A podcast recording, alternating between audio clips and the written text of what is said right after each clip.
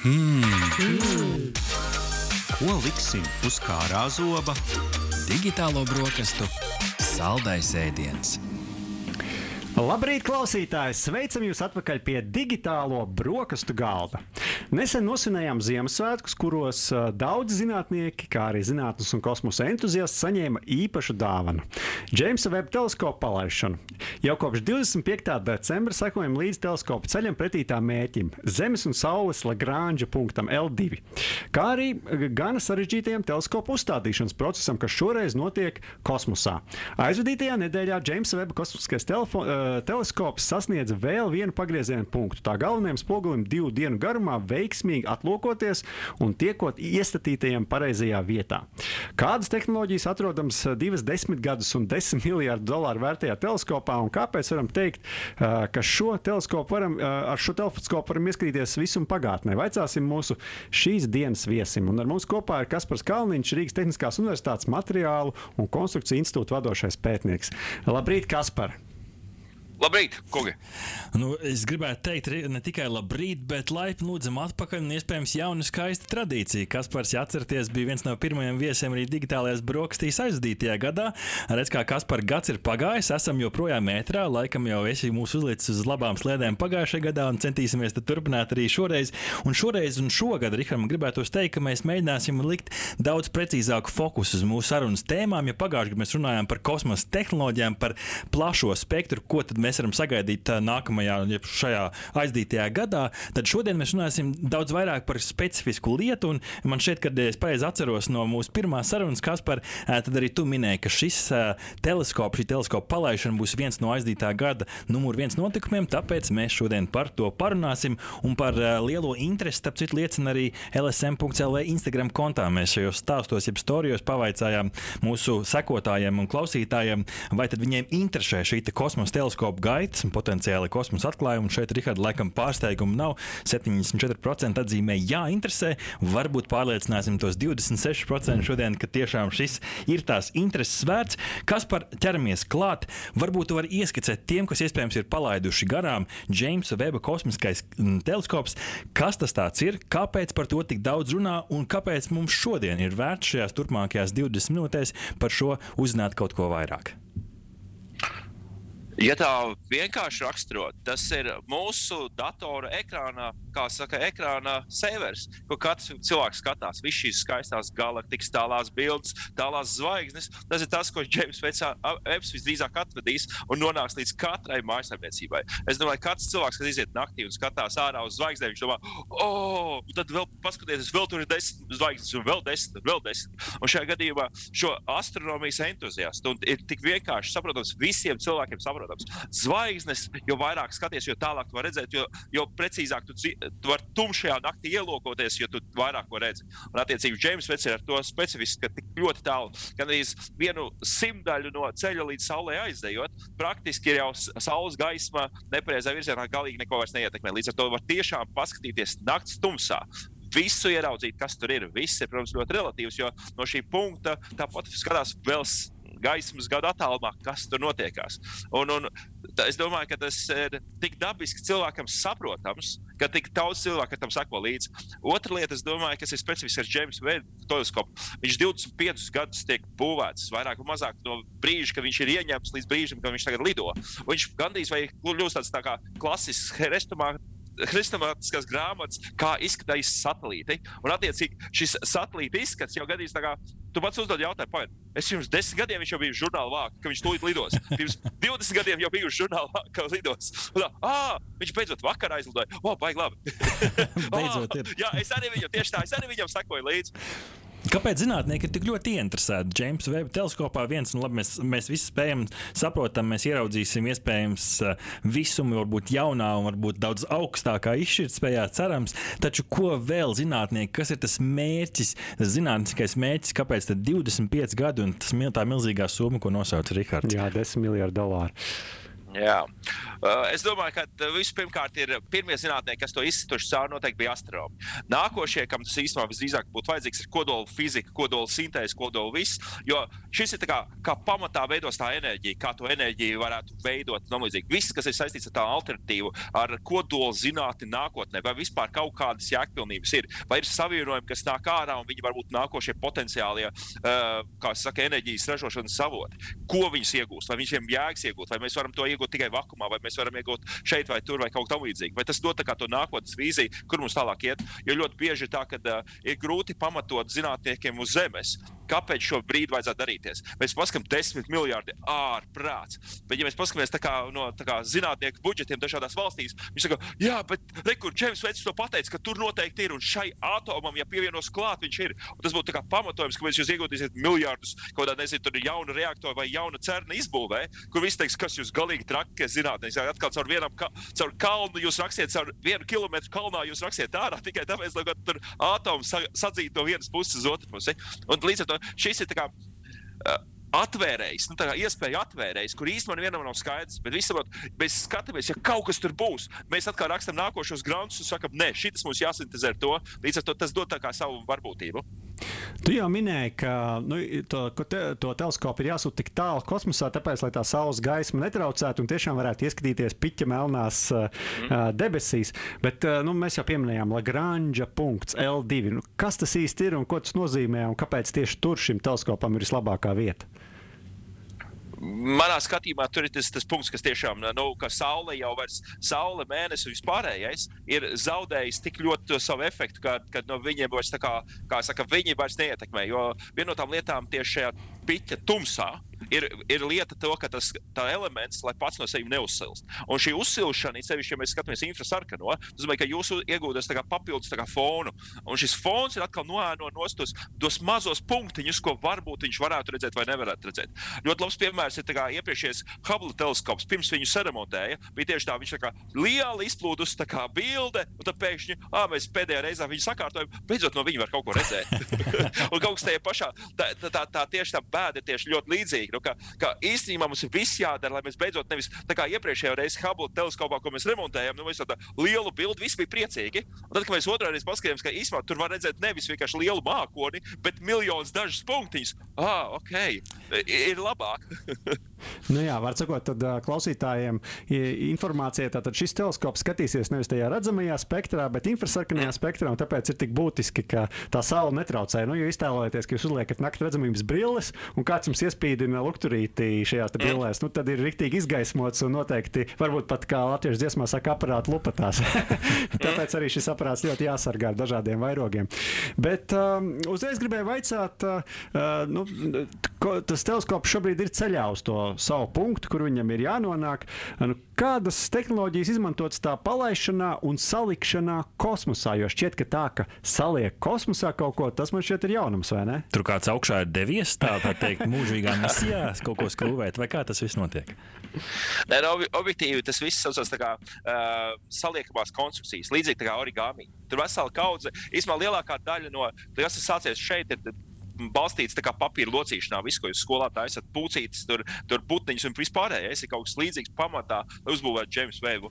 Um, tā, tas bēda, ka šobrīd ir tā drāma, ir, vai, lai, lai tā uz zemes šo tenisa vai basketbola laukumu, ja mēs pat smuki salocam, mēs nezinām, viņš vairāk mazāk, ja mēs iedomājamies paņemt plēvi un mums viņu salocītu, ja mēs viņu taisītu vaļā, viņi būtu visi elektrизējušies, magnēsies, salāroties kopā.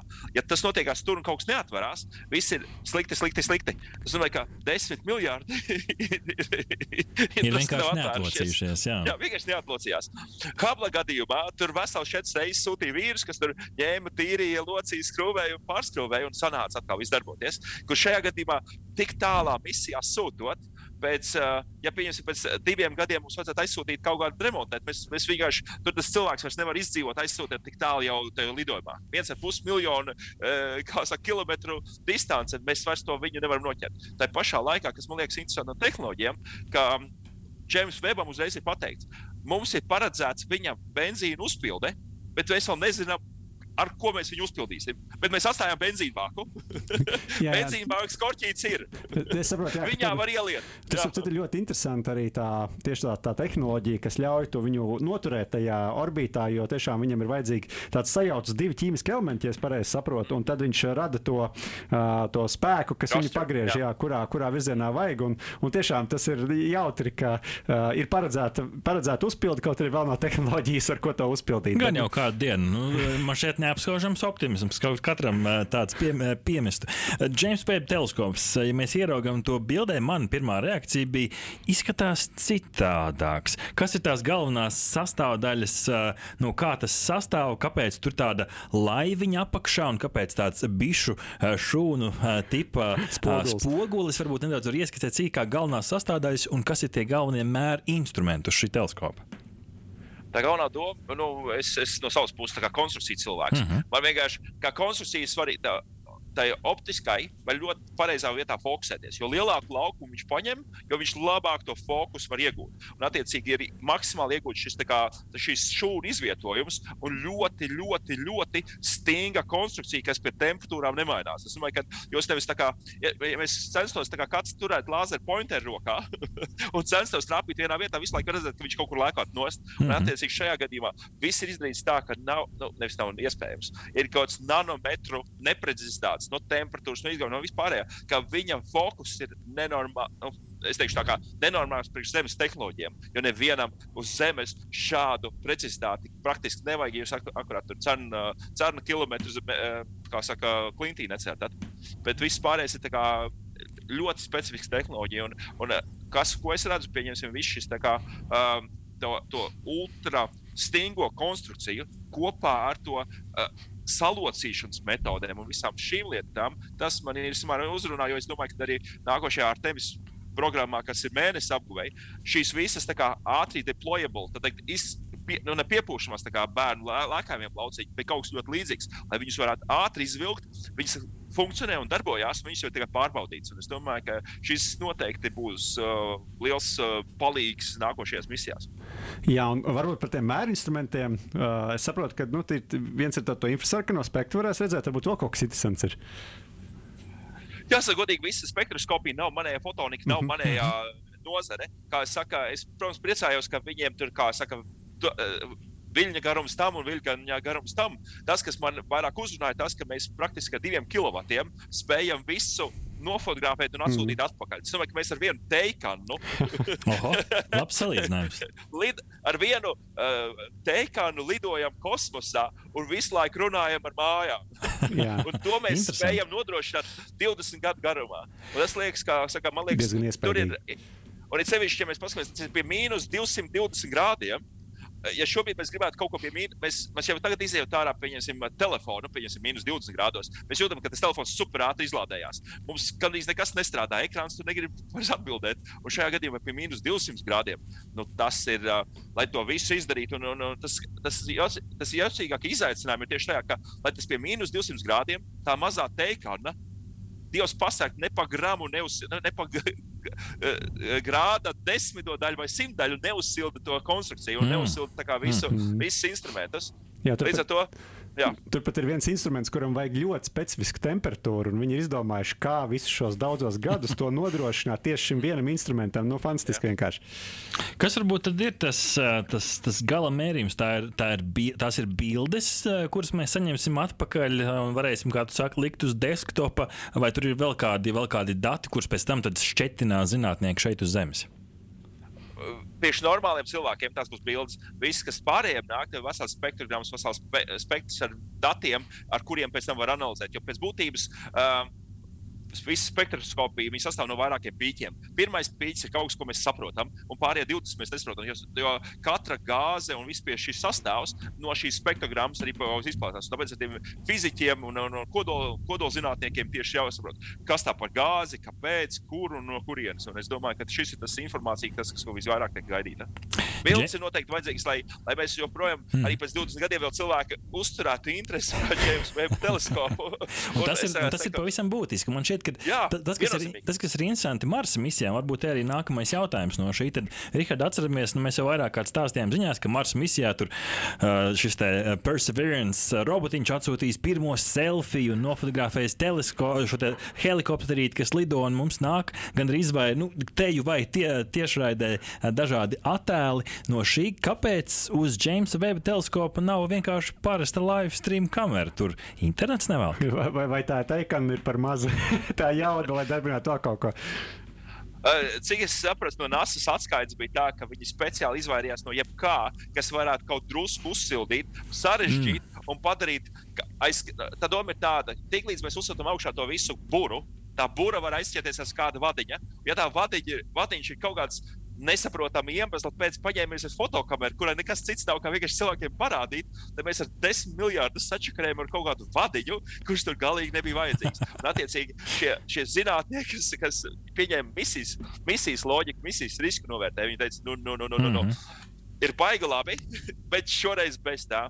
Eh, es domāju, ka visdrīzāk būtu, ja viņi, nu, es domāju, no racionālā viedokļa, būtu ļoti pareizi bijuši, ja viņas būtu tāds kā mini, mini sacensība, ko ieliekot ar blakus orbītu, viņš būtu, pieņemsim, atrastos orbītā, kuram blakus palidojot, varētu uztaisīt fotografiju vai filmēt, kas notiekās. Es domāju, ka tur drusku arī nu, tā kreativitāte NASA vai ESA nav bijusi pietiekoši augsta, ka viņi būtu laicīgi izziņojuši šo, iedevuši. Uh, sabiedrībai nu, pieņemt lēmumu, vai viņi to grib redzēt. Un, jo es domāju, ka tur būtu ļoti labs PR jebkurai organizācijai, kas vēlētos tieši tā.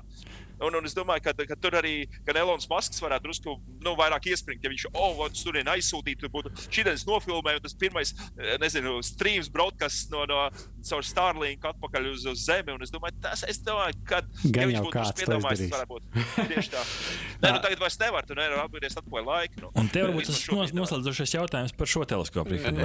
Jā, jā, es vēl gribēju pavaicāt, kas ir nākamais James Webb Vai tur būs šāds, šāda kamera? jā, vai, vai ir jau domāts par, par nākamo teleskopu? Es, es, gribētu, ar, ar, es gribētu vēlēties, ka vēl šis nav šobrīd izdiskutēts. Jo kamēr nav saņemti dati, nav jēgas iet uz priekšu. Tas ir viena no tām lietām arī kosmosā, ko cilvēki saprotam, kas ir pieņemam lēmumu, ne, neliešam. Jo es domāju, ka arī šis tas, tas viens no tiem uh, izdarītiem secinājumiem ir, ja mēs no 9, nu, kā saka, jau tos 25 gadus būvējam un pārdomājam, ir labāk drusku ilgākas plānošanas fāzi uztaisīt nekā um, pusceļā apstāties un no pusmiljarda budžeta aiziet līdz 10 miljardiem, vai saka, 11 miljardiem. Un es domāju, ka tas 20 kārtot budžetu, tas noteikti uh, atsit vismaz nākošos 20 gadus no, no nākošā teleskopa būvēšanas. Nu, varbūt noslēgumā e, intervijā nedaudz ieskatīsimies arī tavā ikdienā. Man šķiet, ka pagājušajā intervijā tu minēji, ka dosies, ja nemaldos, uz Vāciju, testēt kaut kādu veidu raķetes. E, kā tad varbūt veicās tev, un varbūt var ieskicēt, kur vēl Latvijas zinātnieki un to zināšanu šobrīd tiek liktas lietā, ja mēs runājam par kosmosa iekarošanu?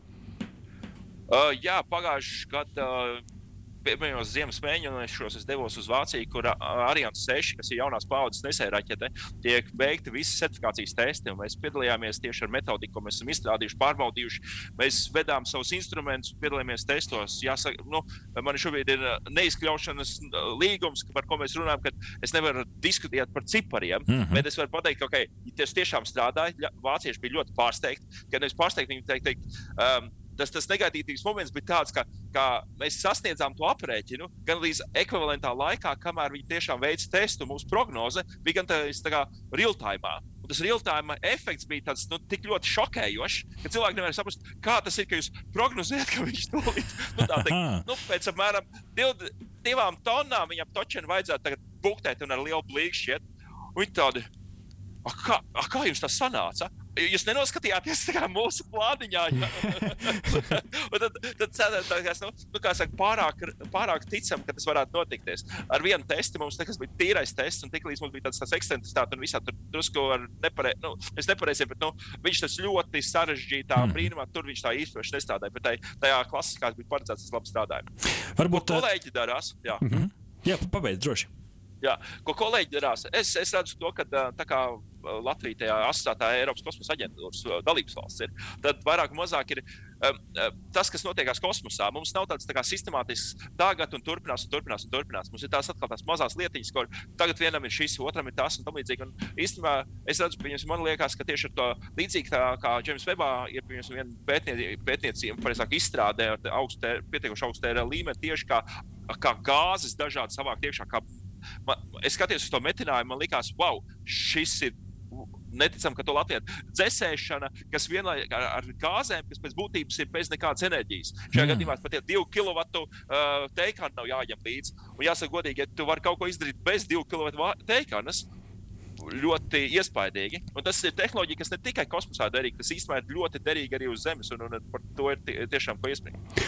Jā, nu, klausītāji, tas tikai nozīmē to, ka arī Latvija piedalās šajā Eiropas kosmosa programmā ar savām zināšanām, un nav jau jāuzbūvē visi raķeti, vai ne? Var jau arī pielikt tikai savu roku, gan aprēķinos, modelēšanā, gan arī kādu konkrētu materiālu vai procesu izstrādē.